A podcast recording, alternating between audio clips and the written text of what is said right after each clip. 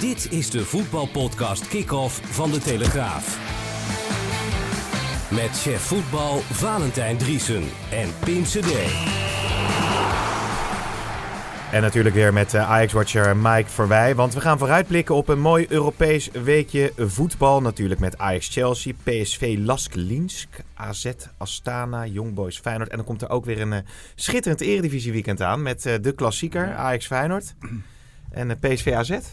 Ja, ja, we kunnen niet zeggen nummer 1, 2, 3 en 4 die komen in actie. Want Feyenoord staat geloof ik tiende. Dus ja. ja, het blijft wel op papier natuurlijk een klassieker. En ik denk dat we daar op het veld weinig van gaan merken. Maar zo denk ik. Ja, wat, wat bedoel je daarmee? Nou, dat het een uh, walkover wordt voor Ajax. En nu hoor je overal, ja, we hebben Manchester United, Liverpool gezien.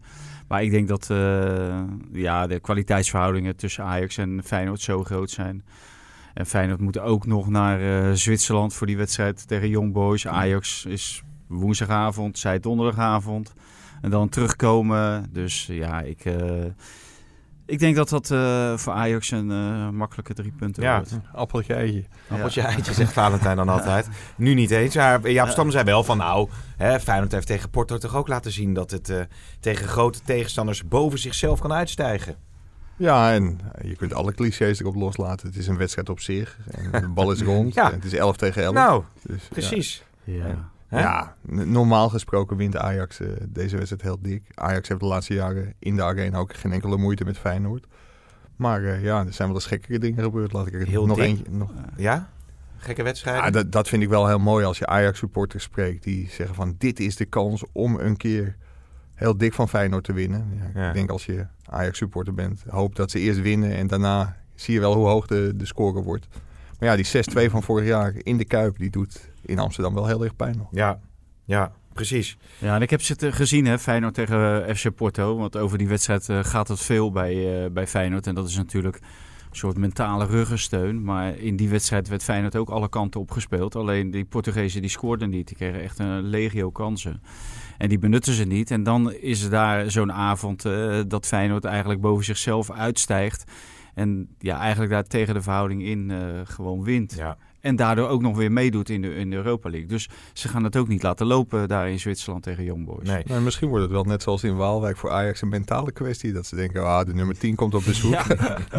Dus dat Nou, jongens, dat, nee. dat, dat ze Feyenoord een beetje onderschat. Ja, oké. Nou, ik wil eigenlijk zeggen van... eh, ja, nou ja, we hebben het in deze podcast natuurlijk meer dan over alleen de eredivisie. Maar als het alleen over de eredivisie zou gaan... dan hadden we wel kunnen zeggen van... nou ja, eh, inpakken en wegwezen. Want eh Valentijn, je had een column. En daar is hij het eigenlijk beslist. Ajax is kampioen. Ja, en eh, ja, dan word je direct eh, eh, mee tien, om tien je... tien wedstrijden bezig, Nou, geloof ik. ik. Ik zat gewoon te wachten op het moment dat daar het verschil gemaakt zou worden door Ajax. Want ik zie Ajax gewoon heel weinig punten verspelen. Die hebben zo verschrikkelijk veel kwaliteit. En ik vind PSV veel minder een team dan Ajax. En veel minder kwaliteit hebben dan Ajax. De aanval van PSV is geweldig. Maar ja, eh, zie je ook niet. Eh, hebben we ook eh, tegen Utrecht veel te weinig van gezien. Nul goals gemaakt. Nou, dat is dan die aanval die altijd scoort. Nou, die aanval bij Ajax die scoort wel altijd. En de verdediging bij Ajax is gewoon veel beter. En ik, ik zie ook wel dat iedere tegenstander kansen krijgt tegen Ajax. Ja, ik wou zeggen. Alleen, eh, wat doet Ajax op het moment dat het 1-1 wordt in Waalwijk? Dan geven ze twee minuten gas en dan staat het 2-1.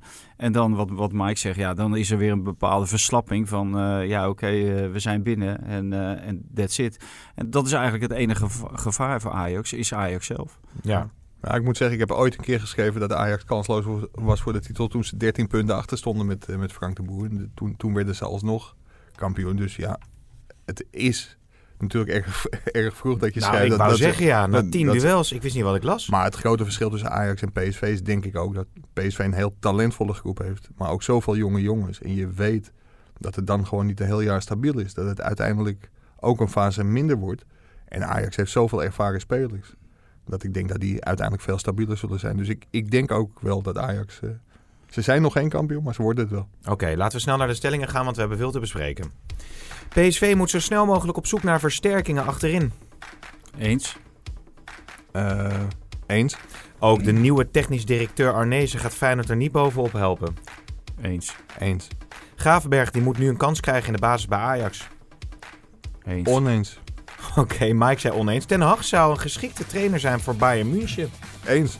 Eens. Oké, nou laten we daar eens over doorgaan. Want eh, Ten Hag... Oh, jullie zeggen... Sorry, ik moet er een beetje om lachen. Jullie zeggen wel heel enthousiast eens. Is dat nou omdat jullie het zo'n goede trainer vinden... of omdat jullie willen dat hij eh, naar Duitsland vertrekt? Ja, het eerste.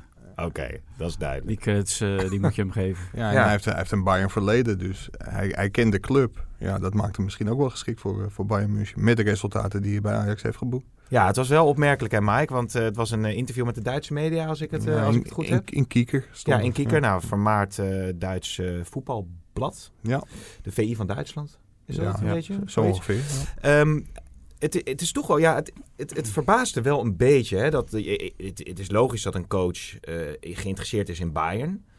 Maar om het zo uit te spreken is dan ook alweer een beetje opvallend. Ja, iedereen mag ambities hebben. Dus dat hij dat uitspreekt, daar, daar heb ik niet zoveel moeite mee. Het is misschien een beetje een raar tijdstip. Het is heel vroeg in het seizoen. En als je zegt Bayern mag bellen, ja, dat is in feite een open sollicitatie. En dat verbaast me wel, want ik denk dat hij bij Ajax midden in het proces zit. Ja. En dat hij dat ook, eh, ja, ook moet afmaken, gaat afmaken. Dat heeft hij bij Utrecht destijds niet gedaan. Toen was hij eh, halverwege het seizoen wel weg.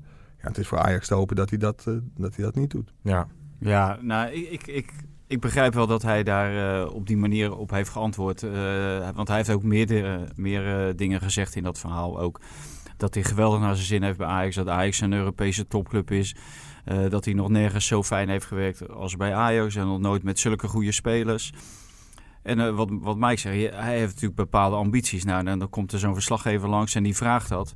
Ja, dan wil je ook niet verschuilen. En bellen wil niet zeggen dat je direct ook weg bent. Alleen, eh, ja, hij, hij is inderdaad bezig met, met iets eh, waar het toe moet leiden. Eh, ik weet niet wat de grote punt aan de horizon is. Voor, voor, voor Ajax zelf is dat natuurlijk het winnen van de Champions League. Maar of hij eh, met dit Ajax ooit de Champions League gaat winnen... en dat hij dan zo lang moet blijven, zo, hè, Ja. dat, dat geloof ik ook niet. Het ultieme is misschien al wel bereikt voor Ten Hag bij Ajax met eh, die halve finale plaats in de Champions League. Nou, het, het ultieme is niet, is niet bereikt, hè, want het ult- ultieme ligt hoger. Hè. Eh, dat Ja. is het winnen van de, van de Champions League. Maar hij heeft wel eh, met Ajax een prestatie neergezet... Ja, waar niemand ooit rekening mee heeft gehouden. Nee. Halve finale van de Champions League. Wat wel heel erg opviel, ik kom net van de persconferentie vandaan voor Ajax, eh, Ajax-Chelsea. En daar stelde een Engelse verslaggever een vraag. En dat ging over belangstelling die Chelsea in een eerder stadium voor Ten Hag had gehad. Ik, ik weet niet of je de vraag niet goed Ja, begreep. Maar zou hij, hebben gehad. ja, precies. Hij wist niet hoe snel hij moest zeggen van... eh, ja, daar denk ik niet aan. Ik heb de focus volledig op Ajax. Ja. Dus misschien is hij ook wel een beetje geschrokken van de uitwerking... van zijn eerlijke antwoord aan een verslaggever... waarin natu natuurlijk alle recht toe had om, Ja. om dat gewoon zo te zeggen. Alleen, ja, nu in een Champions League week ligt de focus volledig op Ajax. Ja, is, heeft Chelsea interesse gehad? Het was voor mij helemaal nieuw dat, toen ik dat, eh, toen ik dat hoorde. Je van hebt die, eh, diverse, diverse clubs eh, zijn genoemd. En één daarvan was inderdaad eh, Chelsea. Ja. Roma was heel, eh, heel concreet. eh, Ja. Ja, nu eh Lampard aan het roer bij eh, Chelsea. Gaan we het zo uitgebreid over hebben. Eerst nog eventjes eh, afgelopen weekend voor Ajax. Want tegen RKC was het eh 1-2 met hakken over de sloot, om maar een cliché te gebruiken. En na aflopen, Mike, sprak jij Tadic. nou ja, hij kwam het best uit in het Engels. Dus laten we even luisteren hoe Tadic naar de wedstrijd keek. At least you need to have a good, uh, like, to follow your plan, you know. And I think first half we didn't follow what we ask, what coach asked from us. We didn't uh, do good. We didn't have good positions, and then, uh, then you become in problem. Ja, we hebben niet gedaan wat de coach vroeg. Eh, we hielden ons niet goed aan onze posities. En dan raak je in de problemen. Maar hoeveel kansen RKC kreeg en ook die in de tweede helft overigens nog eh, vlak voor tijd. Dat is wel ongekend. Ja, dat, dat is bizar als je bedenkt dat het de nummer 1 tegen de nummer 18 was. Dat er 22 punten verschil tussen beide ploegen zat. Dat Ajax 29 keer had gescoord en RKC 29 tegendoelpunten had. Ja, als je het zaterdag zag, dan zou je denken dat het andersom was. Maar ja, RKC blijft RKC. En dat is misschien ook de reden dat ze niet gescoord hebben. Maar Ajax moet dit niet al te vaak doen. Want Nee. dan loop je echt een keer tegen puntenverlies op. Ja, dan zegt Fred Grim natuurlijk altijd... Hè, waarom brengen we dit dan niet elke week? En Ja. dan staat RKC een stuk hoger, over clichés gesproken. Ja, nou, dat, dat, dat is een cliché. Aan de andere kant eh, van Ajax is een, eenzelfde cliché. Ajax gaat natuurlijk, want dat hoorde ik ook allemaal. Ja, als je zo speelt tegen Chelsea, dan ga je eraan. Ja, dat begrijpt iedereen nog wel. Dat begrijpen die spelers van Ajax en dat begrijpt Ten Hag ook wel. Maar dat slaat Ja. natuurlijk ook weer nergens op. Want dat is gewoon een andere wedstrijd met andere uitgangspunten, andere eh, doelen, weet ik wat allemaal. En daar staat er echt een heel ander Ajax dan, eh, dan tegen Ja. RKC. Dat is allemaal van dat ja, een beetje dat opportune eh, gezeur achteraf van, van, van zo'n resultaat. Eh, de- er zit wel iets structureels bij Ajax. En dat is dat de Ajax te veel kansen weggeeft. En dat het op het middenveld gewoon nog niet staat. Ja, En, en die, ehm, eh, die constateringen, die kan je bijna na iedere wedstrijd doen. Dus daar moet wel aan gewerkt worden.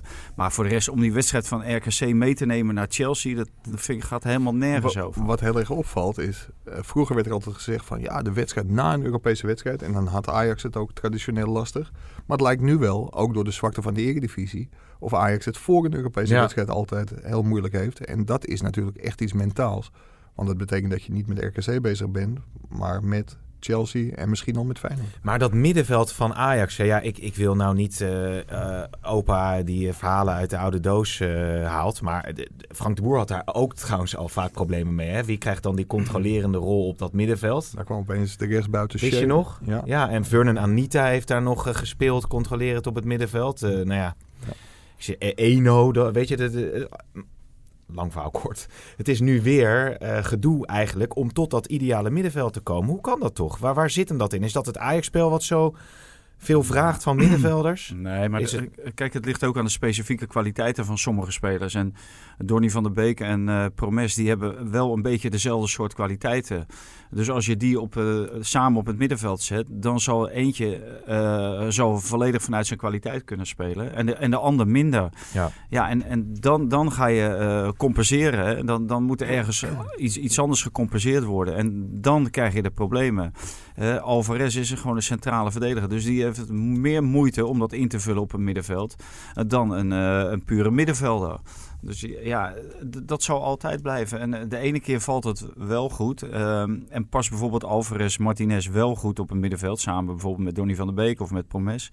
En de andere keer eh, ligt het aan de tegenstander dat die formatie niet goed staat. Het hangt er ook vanaf. Speelt de tegenstander met één aanvallende middenvelder of met twee aanvallende Ja. middenvelden? Nou, en, en ook Ajax is daar natuurlijk eh in geswitcht. Want Cruijff wilde altijd twee aanvallende middenvelders hebben. En een, eh, en een zes, zeg maar. Nou, en eh, met, met Schöne en Frenkie de Jong is dat eigenlijk omgedraaid. En met Donny van der Beek. Want dat paste veel meer. Eén nummer 10, Donny van der Beek, die altijd overal heen kon. En, en overal de ruimtes kon vinden. En Schöne en, en eh, Frenkie de Jong daarachter. We hebben natuurlijk al gehad hier eerder over het feit van... nou, hebben ze Schöne dan eh, te makkelijk laten gaan? Nou ja, die deur is natuurlijk dicht. Dan zijn er wel spelers eh, bij jong Ajax eh, die daar... Nou ja, je hebt natuurlijk een Ekkelenkamp, je hebt natuurlijk een Eiting... maar je hebt ook Gravenberg, die, die daar veel indruk maakt nu. Moet je die toch niet dan een keer een kans gaan geven in het eerste? Zeker in de eredivisie. Ja, hier verschilden we van mening of hij in de basis, in de basis moet. Dat, dat hoeft niet per se, maar geef die jongen wel een keer een kans. Hij heeft hem bij PSV uit 3-0 nederlaag ergens in de 80ste minuut ingebracht. Voor de rest van zijn leven staat PSV uit als debuut achter zijn naam, een 3-0 nederlaag. Hij had een plan, Ten Hag, met, met Gravenberg zei. Ja, wat dat plan is geweest, weet niemand. Want daarna is die bal van bekerwedstrijd bijna niet meer, eh, niet Hmm. meer voorgekomen in de plannen. En als je hem bij jong Ajax ziet spelen, hij werd ook uitgeroepen tot talent van de, van de keukenkampioen-divisie. Dan zegt dat me niet zo heel veel, maar het, het geeft natuurlijk wel aan dat hij redelijk op de, op de goede weg is. En waarom zou je zo'n jongen, als je 3-0 voor staat tegen Fortuna of 4-1 tegen Herenveen, waarom zou je zo'n jongen niet gewoon 20 minuten laten meedoen Ja. of een half uur? En als dat goed uitpakt, dan kun je overwegen om hem Nou ja. in een wedstrijd bij RKC bijvoorbeeld wel op het middenveld zetten. Omdat je dan misschien zo'n brede bank hebt dat je ook nog eh, een Neres wil opstellen. Dat je ook nog eh, een Alvarez wil laten inbrengen. Dat je ook nog een Schuurs wil laten spelen. Ja, maar er gaat inmiddels wel een, een heel groot probleem ontstaan. Want je, je noemde net drie namen van talentvolle middenvelders. Maar daaronder zit Kenneth Taylor. Ja, Nu met het Nederlands elftal onder 18 op weg naar het WK in Brazilië. Natsi Univar, ook een hele goede middenvelder. Maar ja, die worden weer geblokkeerd in hun stap naar jong Ajax. Omdat die Hmm. jongens van jong Ajax geen kans krijgen bij, bij Ajax 1. Dus wat dat betreft wordt Ajax-Chelsea wel heel interessant. Om te zien welke jeugdspelers. En dan Ja. bedoel ik niet de zelfopgeleide Siem de Jong. Maar welke, welke jeugdspelers van Ajax nou op de bank zullen zitten. Ja, daar ben ik helemaal mee eens. En het is ook een van de, de ankers hè, eh, binnen Ajax, de jeugdopleiding. En ja, als je daar 12 tot 13 miljoen euro eh, in investeert, jaarlijks, dan mag je verwachten dat daar ook iets mee gedaan wordt richting het eerste elftal. Het, het is ook het visitekaartje. Wie zijn nou afgelopen jaar het visitekaartje geweest? Er zijn Donny van der Beek, eigen opleiding. Frenkie de Jong, min of meer eigen opleiding. Wel later in de opleiding gekomen. En Matthijs de Ligt. Ja, en dan denk je van, eh, dat moet je wel, die, die, die lifeline, die moet je wel vast blijven houden. En, Ja. en daar moet je mee door. En wat, wat Mike terecht zegt, van, ik begrijp ook niet waarom eh, dat soort jongens niet wat meer kansen krijgen op het moment dat het 4-0 staat of 3-0 eh, tegen Fortuna. En dan kan je, eh, kan je rustig Graafberg. En dan kan je zeggen van ja, die past niet bij die. En ik weet niet exact welke kwaliteiten eh, die kan brengen op die positie in, verga- in verhouding met de andere middenvelders. En dat soort gelul. Maar je kan hem ook gewoon inzetten. Ja, maar-. En kijken wat, wat, hij, wat hij brengt. En zeggen van joh, ik verwacht van jou dat je gewoon, eh, wat zeggen ze altijd, wat Cruijff, eh, maak plezier. Geniet, geniet ervan. Geniet ja, ervan. plezier, ja. En, en, en, en, en gun die jongen dat. En, en dan kijken wat hij doet. En ik heb vorig jaar heb ik Gravenberg gezien op die Amerika-trip. Eh, op het middenveld. Vond ik hem uitstekend spelen. En later heb ik wel eens gehoord dat Ten Hag riep over van... eh, het is een box-to-box player. Nou, zo speelde hij vorig jaar. Maar misschien is dat niet nodig bij Ajax. Maar ja, ge- geef die jongen wel een Ja. kans om zich dan te ontwikkelen tot een ander soort middenvelder. Ja, wa- wat heel erg verkeerd is gevallen op de toekomst bijvoorbeeld, eh, is ook dat je in een wedstrijd, ik weet niet eens meer welke het precies was, maar dat op een gegeven moment Siem de Jong invalt en niet Noah Lang bijvoorbeeld, die ook op de bank zit. En Ja. het argument kan niet zijn dat Siem de Jong miljoenen verdient, dus dan maar moet invallen. Dan moet je gewoon als trainer van Ajax ook het besef hebben van dit is een opleidingsclub. En dit is de levensader van de club, die opleiding. Dus ik zet Noah Lang Maar, maar is, is dit intern een, een ding? Dat, dat, dat de, de jeugd te weinig kansen krijgt van eh, Ten Hag? Kijk, aan de andere kant zou je kunnen zeggen... eh, Frenkie Ja. de Jong, De Licht, et cetera... zijn natuurlijk ook eh, Ja, jonge spelers. Je, je hoort wel, of, of het een ding is, weet ik niet. Maar je hoort wel geluiden en het irriteert mensen. En als de doorstroming stokt, ja, wat is het perspectief van een Kenneth Taylor, van een Nazi Univar? Als Ja. ze maar in onder 19 moeten blijven spelen, terwijl ze eigenlijk misschien gebaat zijn bij spelen in Jong Ajax. En die jongens uit Jong Ajax, ja, die hebben natuurlijk veel meer aan speelminuten in Ajax 1 dan bij Jong Ajax. Dus als het perspectief weg is, ja, dan kiezen spelers er misschien uiteindelijk voor om eerder weg te gaan dan ze lief is. Ja, Ja. En het is wel degelijk een ding. Op de toekomst is het wel degelijk een, eh, een item.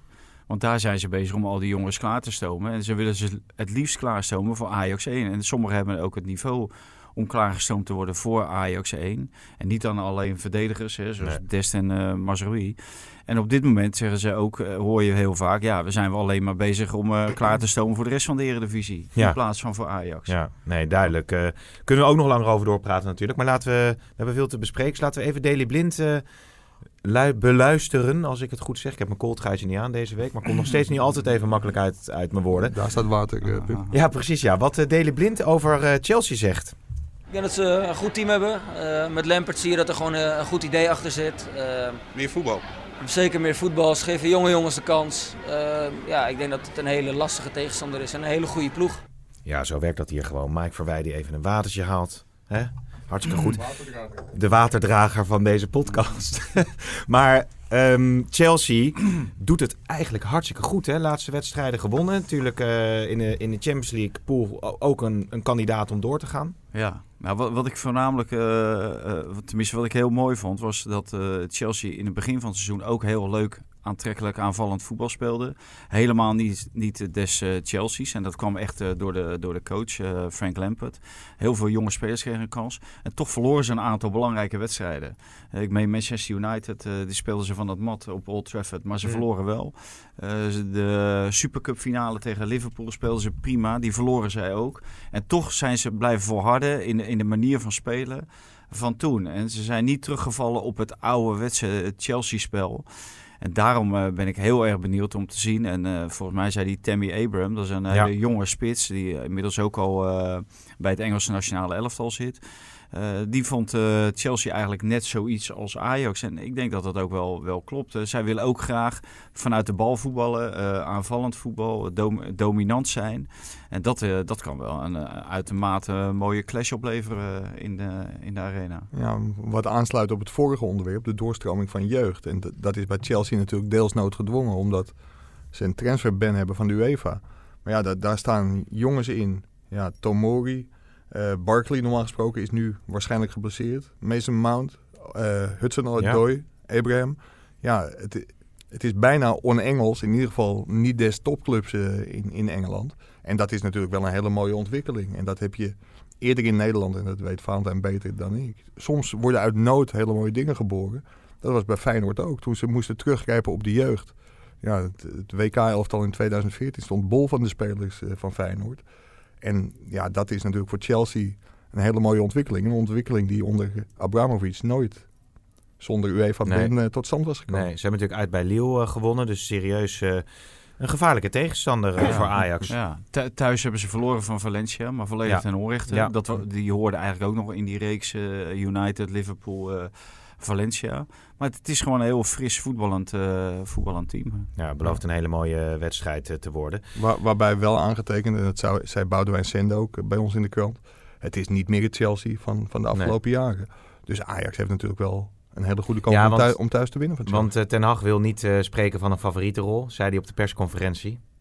nee, Tegen maar, Engelse ploegen niet. nee, maar na, na vorig jaar. En als je ook ziet wat er in de arena gebeurt op Europese avonden. En Ajax heeft twee gespeeld, zes punten. Zes doelpunten voor nul tegen. Dat, dat is Ja. wel heel erg geflatteerd. Maar natuurlijk is Ajax thuis de favoriet. En je merkt het ook aan de benadering van de buitenlandse media. Hè? Dat, dat nu wordt er gewoon eh, als eerste aan Ten Hag gevraagd van... Ja, hoe ga je om met het goed presteren in de Ajax? Je ziet dat het een hele andere positie is natuurlijk dan vorig jaar... en al die thuiswedstrijden die ze hebben gehad. Ja, en dat, daar, daar ligt ook tegelijkertijd de moeilijkheid natuurlijk. Hè. Tegenstanders gaan jou heel anders benaderen dan, eh, dan vorig jaar. En daarbij heb je twee eh, ja, belangrijke keyplayers eh heb je verloren. Met Frenkie de Jong en Matthijs de Ligt. En, en aan de andere kant ook Schöne. Dus ja, daar moet deze nieuwe groep mee omgaan. En ze, ze zijn wel getest, maar aan de andere kant zijn ze er ook weer niet echt, echt getest. Hè. Tegen Lille gaan ze ve- veel kansen weg. Nou, eh, die maakte dat niet af. Tegen Valencia hadden ze een, een geweldige openingsperiode. Daarna zakten ze ook ver weg. En had het voor hetzelfde geld anders eh, kunnen aflopen. Dus ik ben benieuwd eh, of ze juist groeien vanuit die positie. Ja. Of dat ze stil blijven staan. Ja. En ja, ze geven nog steeds, eh, maar dat hebben we al eerder gezegd, te veel kansen weg. Ja. Ja, en Ten Hag zei tijdens deze persconferentie wel drie of vier keer van... eh, het is een nieuw seizoen, onder vorig seizoen staat een streep. Ja, er moet opnieuw gebouwd worden, door, mede door het vertrek van De Jong en Matthijs de Ligt. Maar ja, dat bouwen moet nu wel, nu wel snel beginnen. En dat kan uit heel veel luxe, want in de competitie en ook in de Champions League staat Ajax er natuurlijk geweldig voor. Hoewel ze nog niet Ja. heel erg goed hebben gespeeld. Ja, bij fases, of in, bij vlagen en in fases van wedstrijden. Maar nog geen wedstrijden zoals ze vorig jaar hebben gespeeld, 90 minuten lang. Het is even een overgangetje van Ajax-Chelsea naar PSV Lask Liens. Ik weet niet eens of ik het goed zeg. Ik denk het wel eigenlijk. Ehm, PSV natuurlijk een eh, harde dreun opgelopen in de Galgenwaard tegen Utrecht. 3-0 nederlaag. Twee eh, rode kaarten van eh, Viergever en Hendricks. Robin Jongmans vertelt over hoe PSV daarmee omgaat. Met de Fransman Olivier Boscagli had PSV gehoopt een prima backup voor de linksback-positie en de positie links centraal achterin te hebben binnengehaald. Maar zijn status is snel veranderd. Hij zakte centraal achterin al door het ijs in de strijd om de Johan Cruijffschap tegen Ajax. En raakte onlangs zijn linksback-positie kwijt aan middenvelder Michel Sadilek. Van Bommel kan met hem voor een linkspoot met ritme kiezen. Maar voor zo'n cruciaal duel en met de recente geschiedenis in het achterhoofd lijkt het logischer de keuze op de ervaren Daniel Swaap te laten vallen. Geen wedstrijdritme, maar weet wel wat er gevraagd wordt onder de coach. En de Duitsers speelden eerder bij VfB Stuttgart alleen samen achterin met Timo Baumgartel. Wellicht dat PSV zich in het belangrijke duel tegen Las Liens, als het zich herpakt na de nederlaag van afgelopen zaterdag qua scoren, de luxe verschaft om hem wat extra speelminuten te geven. Op het middenveld lijkt de Mexicaan Guti gewoon de vervanger van Hendricks, uh, Affelay en Ryan Thomas. Zijn er lange blessures nog niet fit genoeg om te starten. Het is wel een beetje pijnlijk hè, dat eh, PSV toch fors geïnvesteerd heeft eh, achterin. En onze, onze speler Lato, die hebben we dan nog niet Ja. eens eh, genoemd. Hè? Maar met Bos, Boskagli en eh Baumgartel. En dat ik de stelling zeg van nou moet, moet PSV eh, op zoek naar versterking achterin. En, je- en je- jullie antwoord is ja.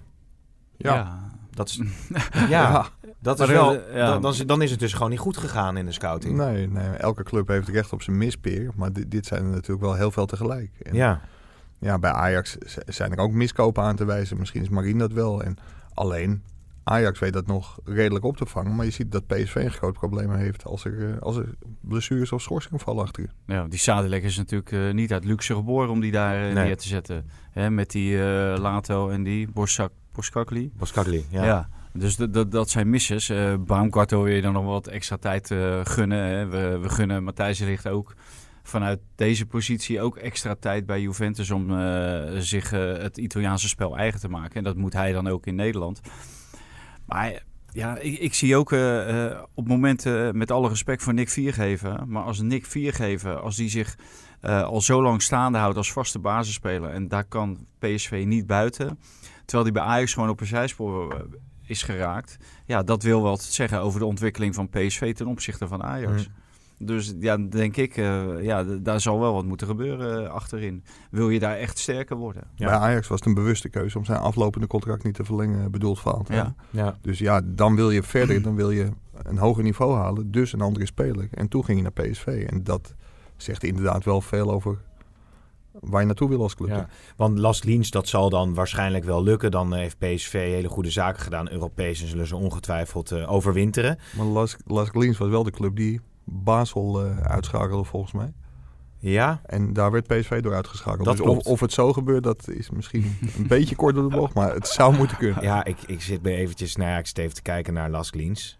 Ja. Ze zitten ook weer wat verder in, eh, in het seizoen eh, PSV. Ja, toen was het echt wel, echt wel helemaal het begin van het eh, Ja. seizoen hè, bij PSV. En Nog toen- veel onrust die Bruma, spelers. die, die speelde nog. Nou, die speelt natuurlijk nu ook bijna nooit meer. Hè, want die Japanner, Ja, Doan, Doan, die krijgt ook iedere keer de voorkeur. Iataren, die werd toen op rechts gebruikt of, of die zat op de bank. Dus bij PSV is er wel, wel iets veranderd. Maar ja, dat moet, normaal gesproken moet dat Lask eh, geen probleem zijn. Nee, maar waar, ik dus naartoe wilde is eh, PSV AZ van zondag. Want dan gaat het natuurlijk misschien wel pijn doen als eh, Viergever en Hendricks er niet bij zijn. Ja, zelfs tegen AZ kan het dan pijn doen, ja. Hendricks er niet bij. Want voor Hendricks krijg je die Mexicaan. Nou, die, die is veel minder dan Hendricks verdediger, in Ja. verdedigend opzicht. Dus dat is, dat is een risico. En eh, voor viergeven, ja, daar moet hij een oplossing voor vinden. Maar dat zal zwaar worden. Ja. Nou, dan heb je een Duits centrum. Die communiceren misschien wel lekker met elkaar. Dat dan Ja. wel. Maar eh, qua snelheid en eh, duelkracht ja, is dat niet om over naar huis te schrijven. Dus Eigenlijk, echt het is wel toch hartstikke voor, jammer dat PSV zo'n heerlijk team heeft eigenlijk. Maar dat op dit soort posities het gewoon niet overhoudt. Als, als wat- daarin nou... Ja, maar wat is nou zo heerlijk aan PSV? Nou, dat de heb ik, aanval eh, is toch- is ja, toch, er zitten eh, goede, goede spelers zitten daar. Hè, maar, maar Bergwijn heeft dit seizoen natuurlijk ook veel te weinig thuis gegeven. Hè, Ja. Malen maar heeft een hele goede ontwikkeling. Eh, Doan is, is, goed, is goed begonnen. Uh, Doan is re- redelijk begonnen, maar is ook nog niet iemand die al eh, vier goals achter zijn naam heeft staan en, en eh, vijf assists. Ja. En, en Doan was heel lang in beeld bij Ajax. En Overmars is echt heel erg gecharmeerd van hem. Maar niet zo gecharmeerd dat hij uiteindelijk... Er was geld genoeg. Dat hij de knoop doorhakte en dacht van die Ja. moet ik hebben. Dus ja, het, het is een geweldige speler. Maar niet dat hij PSV even kampioen maakt. Oké, dus mijn woorden heerlijk. Die, eh, Nou, PS, PSV wordt, vind ik, eh, wordt veel te hoog in- inge- ingeschat Oké. dit, eh, voor dit jaar. Ja, maar jij hebt dat ook is je column al geschreven dat Ajax kampioen wordt. Dus dan moet je natuurlijk een beetje al. coherent blijven. Ja, ja, ja, ja. maar Nou, dat, dat dacht ik al eerder ook hoor, dat Ajax kampioen zou worden. Maar wat, wat wel interessant is, kijk, Utrecht slaagt er natuurlijk wel in om die gevaarlijke PSV, die heerlijke PSV-aanval volgens jou eh, te neutraliseren. Nou, te neutraliseren. Maar dat, dat zal AZ normaal gesproken niet op die manier doen. Nee. Dus dat, dat biedt ook wel weer mogelijkheden voor PSV. Ik denk dat PSV eh, gewoon een makkelijke overwinning gaat boeken op AZ. Hoeveel? Eh 3-4-1. Vier? Ja, dat denk ik, ja. Kom Maar vol. Vlaar kan dat toch ook niet belopen achterin tegen die heerlijke aanval van PSV. Ja, ja, Ja, nee, als- maar Vlaar als er- is wel iemand... Een, Ron Beton. af, afgelopen Ron Beton. eh, weekend, ik weet trouwens niet of die speelde nou tegen Heerenveen. nou, maar, was ook 2-4, hè? Maar ja, en, eh, maar hij is vaak wel goed voor de organisatie. En, eh, maar Stenks eh, tegen Sadilek en eh, die twee Duitse houthakkers eh, hè, tegen Sadek eh, spreekt misschien ook wel Duits, zit ik te ja, denken. ja, nou, dat is helemaal Dat is gezellig. goede lijntjes. Dumfries, Ja. alleen, die zal heel Ja. boos kijken, want die Ja. verstaat het dan Nee. niet natuurlijk. Dat wordt dan wel even lastig. Dus, Ja, Ja, maar het is in ieder geval een schitterende wedstrijd, zoals. ja het wordt, Ja. eh, wordt hartstikke ah, mooi. ah, ik denk dat dat een, een mooiere wedstrijd is eh, eh, qua verhoudingen met elkaar dan eh, Ajax Feyenoord. Over Feyenoord gesproken. De nieuwe technisch directeur, Frank Arnees. Wanneer komt hij eigenlijk? Wat is de nou ja, bedoeling? de, de bedoeling is eh, om eh, in de winterstop. eh, ze willen eigenlijk een paar goede resultaten en dan willen ze hem presenteren. Maar ja, dan, dan gaat het wel heel lang Dan duren. wordt het toch 2022. Ja. Ja. Nee, nee, is Ah, jongens. Dus- Ja, dat is ja, ja. Nou ja, goed, maar de, Hetzelfde de- geldt een beetje voor de, te- voor de algemeen directeur, eh, ad interim, eh eh Mark Koevermans. Ja, die staat nu toch wel echt op de nominatie om voorlopig die, voorz- of die directeurszetel te blijven bezetten. Omdat Robert Eenhoorn dan niet beschikbaar is. En Ja. waarschijnlijk ook komende zomer niet. Vanwege dat hele stadion gebeuren bij AZ en dat hij bij AZ nog niet klaar is. Ja, dat, dat is ook, ja, wanneer presenteer je zo iemand? Dan moet je echt wel een geschikt moment. en Je dat- kan hem toch ook gewoon zo snel mogelijk presenteren? maar bedoel, hij je doet gaat het al. Hij doet het al. Hij is nu, nu natuurlijk al ad interim directeur. Dus eh, kijk, en eh, zo iemand eh, presenteer je natuurlijk eh, iets leuker. En eh, maar ik heb het, al, jij je- hebt het, je over, aan- Koe- jij hebt het niet over Koevermans. Koevermans, ja. Nee, maar zo'n Arnezen die, Arnezen, die moet je toch gewoon zo snel mogelijk binnenhalen? Ja, want maar, iemand... maar die zit volgens mij nog in de afhandeling van zijn contract bij, bij Anderlecht. Want, want dat is, ik, sorry, ik tik eh, voor de luisteraars, ik tik een paar keer tegen mijn microfoon aan. Ehm, maar Arnezen heeft natuurlijk bij PSV een hele mooie periode gehad. Maar de laatste clubs bij Arnezen waren ook niet echt een heel groot succes meer, hè? Nee, nee, bij Anderlecht onder andere. Maar daar werd alles uit handen genomen door die Koeken, of die, eh, die eigenaar van, die nieuwe eigenaar van Anderlecht. Die had allemaal andere ideeën samen Ja. met Verschuren. En die kwamen ineens op de proppen met die, eh, met die hoe heet die jongen? Compagnie. Die, eh, compagnie Ja. als speler trainen. Nou, dat is natuurlijk finaal eh, verkeerd afgelopen. En met een aantal spelers die, die uit die stal kwamen. En niet uit de stal van Frank Arnezen. Dus daar kreeg hij ook weinig Ja. ruimte om zijn beleid uit te voeren, zeg maar. Ja, Maar ik, ik kan me wel voorstellen dat Feyenoord blij is met de naam als Arnezen. Want Want, ja. hij heeft in ieder geval een gigantisch netwerk. En dat kan Sjaak trouwens niet zeggen. Ja. Maar wat, wat zou zo'n Arnezen nou als allereerste gaan doen eh, als hij bij die club komt? Honderd, de honderd dagen, daar weet jij meer van. Jij doet af en toe politiek ook eh, met Wouter. ja, ja Wouter de eh, Winter, de honderd politiek dagen. commentator van de Telegraaf. Ja. Nu, nu eh, reces, hè, geloof ik. Het is nu reces, Ah, daarom ja. ben ik, Ah, eh, heb ik alle tijd op dinsdag. Ja, dat is heerlijk. Maar ja, wat, want, wat, ja, wat, ja, en dan go- moet- goed praten en eh, kijken hoe, eh, hoe alles eh, georganiseerd is. En dan eh, je ideeën, en dat is- die heeft hij natuurlijk ongetwijfeld. En daar heeft hij mee gesproken, of eh, over gesproken natuurlijk. En dan die eh, ideeën implementeren. En, ja, eh, misschien Johnston maar laten gaan en eh, Kelly. Ja, dat soort, dat soort dingen wel. Maar ja, Kelly, daar die, daar die gaat moet je de verkopen. Nou ja, wie, wie Iedereen wil ziet die hem over het hoofd natuurlijk. Ja. Daar gaat de streep doorheen. Ja, het, het is in dit geval natuurlijk wel weer van... is het glas half vol, half leeg? Mensen zeggen van... ja, weet je, er valt geen eer te behalen bij dit Feyenoord. Je kunt ook zeggen van... je kunt het niet heel veel slechter doen. Dus alles Nee. wat je doet is goed. Ja, en die zal zich op de volgende transferperiodes moeten gaan richten, denk ik. Ja, en dan, en dan zal hij misschien eh, wel goede spelers uit bepaalde opleidingen van grote topclubs halen. En misschien goedkoop kunnen huren. Want Ja. dat, ja, die, Ja. die contact heeft hij wel, denk ik. Maar, maar dat, dat zal dus eh, deze winterstop allemaal gestalte krijgen. Dat, moet, Arnezen. ja, ja, dat zal deze winterstop eh, moeten gebeuren. ja. Oké, nou Feyenoord, ja, we, we hebben weer zoveel te, te bespreken. Maar Feyenoord dus een gelijk spel tegen Heracles. Dat was natuurlijk ook alweer vrij pijnlijk. Heel pijnlijk, ja. Hoewel eh Heracles natuurlijk eh, tegen het eind van de wedstrijd nog een aantal keren lelijk Ja. door het oog van de naald Ja, dat en, is en, in de eerste helft stelde Heracles ook, eh, ook helemaal Feyenoord heeft genoeg kansen gehad. Feyenoord had deze wedstrijd ook dik kunnen, kunnen winnen. Niet, niet door dat ze zelf zo goed speelden, maar dat kwam ook door Heracles. Ja, en dan als je in zo'n fase zit als waar zij nu zitten, dan, dan zit ook even alles ik heb het ook wel bijna te doen met Jaap Stam ook, hè? Ja, dat is, ja, Je, je merkt, ik heb een beetje dat emotionele in mij. Maar ik, ik, gun, Ja. ik gun die Jaap Stam gewoon bijna dat dat balletje er dan wel in rolt in de, in de wat is het, 94e minuut. En Frank. Wormoed gun je geen puntje. Ah, Nou ja, je- er kwam zo'n Instagram-fotootje voorbij van eh, Jaap Stam... dat hij eh, in eh, een paar eh, maanden heel Feyenoord oud was geworden. eh, 40 jaar ouder was geworden. ja. maar net gun je hem gewoon dat doelpunt. Ja, nou, nou, nou ga je hem zitten uitlachen dat hij 40 jaar ouder is Ja, geworden. oké, Wat, ja. AZ, ja. hè? Daar even over eh, gesproken. Ja, moeten daar eigenlijk veel... Want het, ja, AZ had wel eventjes voor het eerst denk ik een klappie Ja, tegen Heerenveen. ja. En nu niet na een Europese wedstrijd, maar voor een Europese wedstrijd. Ja. Want Feyenoord En- moet voor de duidelijkheid tegen Young Boys uit. Dat wordt gewoon een hele lastige wedstrijd voor Feyenoord, denk Ja. ik.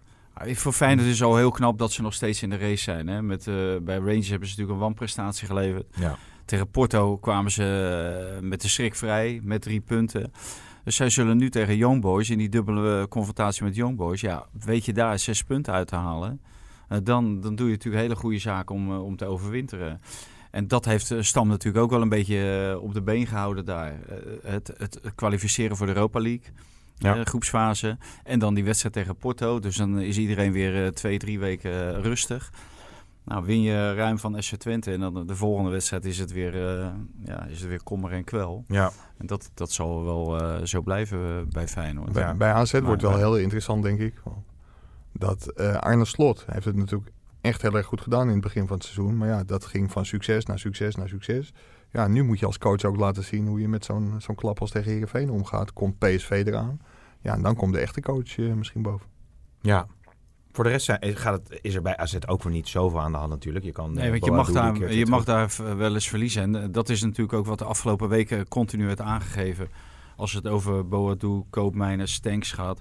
Met betrekking tot eh, spelen bijvoorbeeld bij, zelfs bij Feyenoord. eh, maar ook zeker bij Ajax en PSV.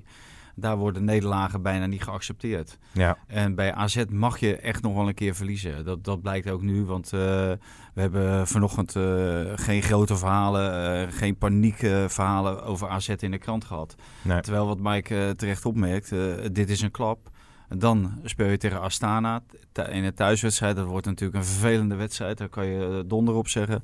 En daarna moet je naar Eindhoven. Nou ja, laat nu maar zien wat je dan echt waard bent. En dat je ook eh, met die druk om kan gaan van het moeten presteren. Nou, tegen Herenveen is het niet gelukt. Terwijl je wel eigenlijk twee weken vrij had. En, en een aantal jongens zich geweldig hadden gemanifesteerd. Ja. Bij Jong Oranje, eh, Stenks en Boadu. En dan, eh, ja, dan, nou, Boadu die was er dan niet bij. Maar dan werd er niet geleverd uiteindelijk. Ja, het, het wordt waarschijnlijk wel een dingetje, want het, het zijn megatalenten. En Vaanta zegt net van, het zou heel goed zijn als ze onder de druk van Ajax, PSV, misschien zelfs Feyenoord moeten spelen, van elke week winnen. Maar ja, bij die clubs gaan ze normaal gesproken nooit meer terechtkomen. Ajax zou kunnen, want die hebben het geld. Maar ja, je ziet wat er met Vincent Jans is gebeurd. Kenneth Perez zei het gisteren ook bij, bij Fox Sports. Die had een wedstrijd van, van Monterrey zitten kijken. Ja, daar zit Vincent Jansen inmiddels ook op de... Maar Stenks is toch wel van een andere orde dan, eh ja, dan Vincent Vincent Janssen. Jansen was de spits van het Nederlands elftal. die, die was topscorer van de Eredivisie. En die maakte een transfer naar, naar Tottenham Hotspur voor meen 22 miljoen. Ja. Dus dat was ook geen kleine jongen. Maar verkeerde keuzes kunnen tot hele vervelende, vervelende wendingen van, van carrières leiden. Dus vroeger die stap van AZ naar een topclub, dat was niet zo gek. Ja. We gaan afronden. Ik eh, moet nog vermelden overigens dat Chelsea wel eh, aardig wat blessures heeft. Daar hebben we het eigenlijk niet over gehad. Eh, Kanté en eh, Ross Barkley die zijn er niet bij. Dat is misschien nog in het voordeel van Ajax. Ja, Christensen en Ja. eh, Ook nog. Emerson is er niet bij, Rudiger is er niet bij, Loftus-Cheek. Dus, eh, Ja. Dat is een hele, een hele as. Daar Ja. had jij het eerder over. Dat, exact. eh, Dus, dus dat is misschien wel weer in het voordeel eh, van Ajax. dus kom maar met die glazen bol. Ja, de glazen bol. Of eh, de- zullen we de VAR gewoon maar even laten liggen dan voor eh, vandaag? Houden we die gewoon even vast, zo ook het nodige gebeurt. Kwam nog een vraag binnen. Nou, daar kunnen we gewoon met ja of nee op antwoorden. Is het niet verstandiger dat de VAR de eindbeslissing heeft in plaats van de scheidsrechter? Goeie vraag die binnenkwam op jouw Twitter-account. En het antwoord is ja. Ja. Nou, dat is een mooie teaser naar eh, de Ja, volgende keer. al- Als ik me heel, heel kort mag toelichten. Het, Nou, het, het voordeel daarvan vind ik... Zeg maar, de VAR zit in Zeist. Redelijk ontspannen. Heeft niet hard gelopen. Staat niet onder de druk van het stadion, van de supporters. Dus kan redelijk nuchter een beslissing nemen. En de kans dat die een goede beslissing neemt met alle tv-beelden... Ja, die is groter dan wanneer een scheidsrechter naar het schermpje Ja. wordt geroepen. Daar staat te zweten, staat te hijgen. En dan een beslissing moet nemen. Dus laat die beslissing gewoon lekker in Zeist liggen. Ja. Tenzij, tenzij de man die in Zeist is daar niet capabel voor is. En Ja, dat, dat- hebben we natuurlijk ook al een paar keer gezien. Nee, precies. Eh, ja, we kunnen een glazen bol doen, maar Ja. er zijn zo... Willen we Ajax-Chelsea glazen bollen? ja, Valentijn? Nou, de wint, wint Ajax. Ja? 2-1. Oké. Ja. Ik, ik denk... Ja, jij denkt ook eh, overwinning voor Ajax? Ja, ja, ja. Je wil een uitslag ook nog horen? Ja, kan. Nou, 3-1 dan. Ik denk dat ze gaan verliezen. Dat denk ik. Maar goed, rest mij nog even om eh het En die 1-2. andere- Hey, maar nou, nou zijn wij alles aan het doen om het niet de meest zure Oh, ja. podcast van heel Nou, Nederland. zou ik dan leuk eindigen? Met Ja. een leuke anekdote. Ik was afgelopen weekend met het gezin naar de Efteling. En toen stonden we in een hele lange rij. en toen zei een man... Jij bent Pim CD. Maar hij zag me niet, maar hij hoorde me. En hij zei, ik luister zo graag naar jullie podcast. Zo. Hey. Had je diezelfde kooltrui aan? Dat die, ja. Nee, maar dat is toch leuk, hè? Ja. was eh, bij, ja, ik weet niet of het bij de Fata Morgana was. Maar het zal, het zal anders, anders is het misschien een visioen geweest eh, van me. Maar eh, heren, dankjewel en eh, tot de volgende. tot de volgende. Dag.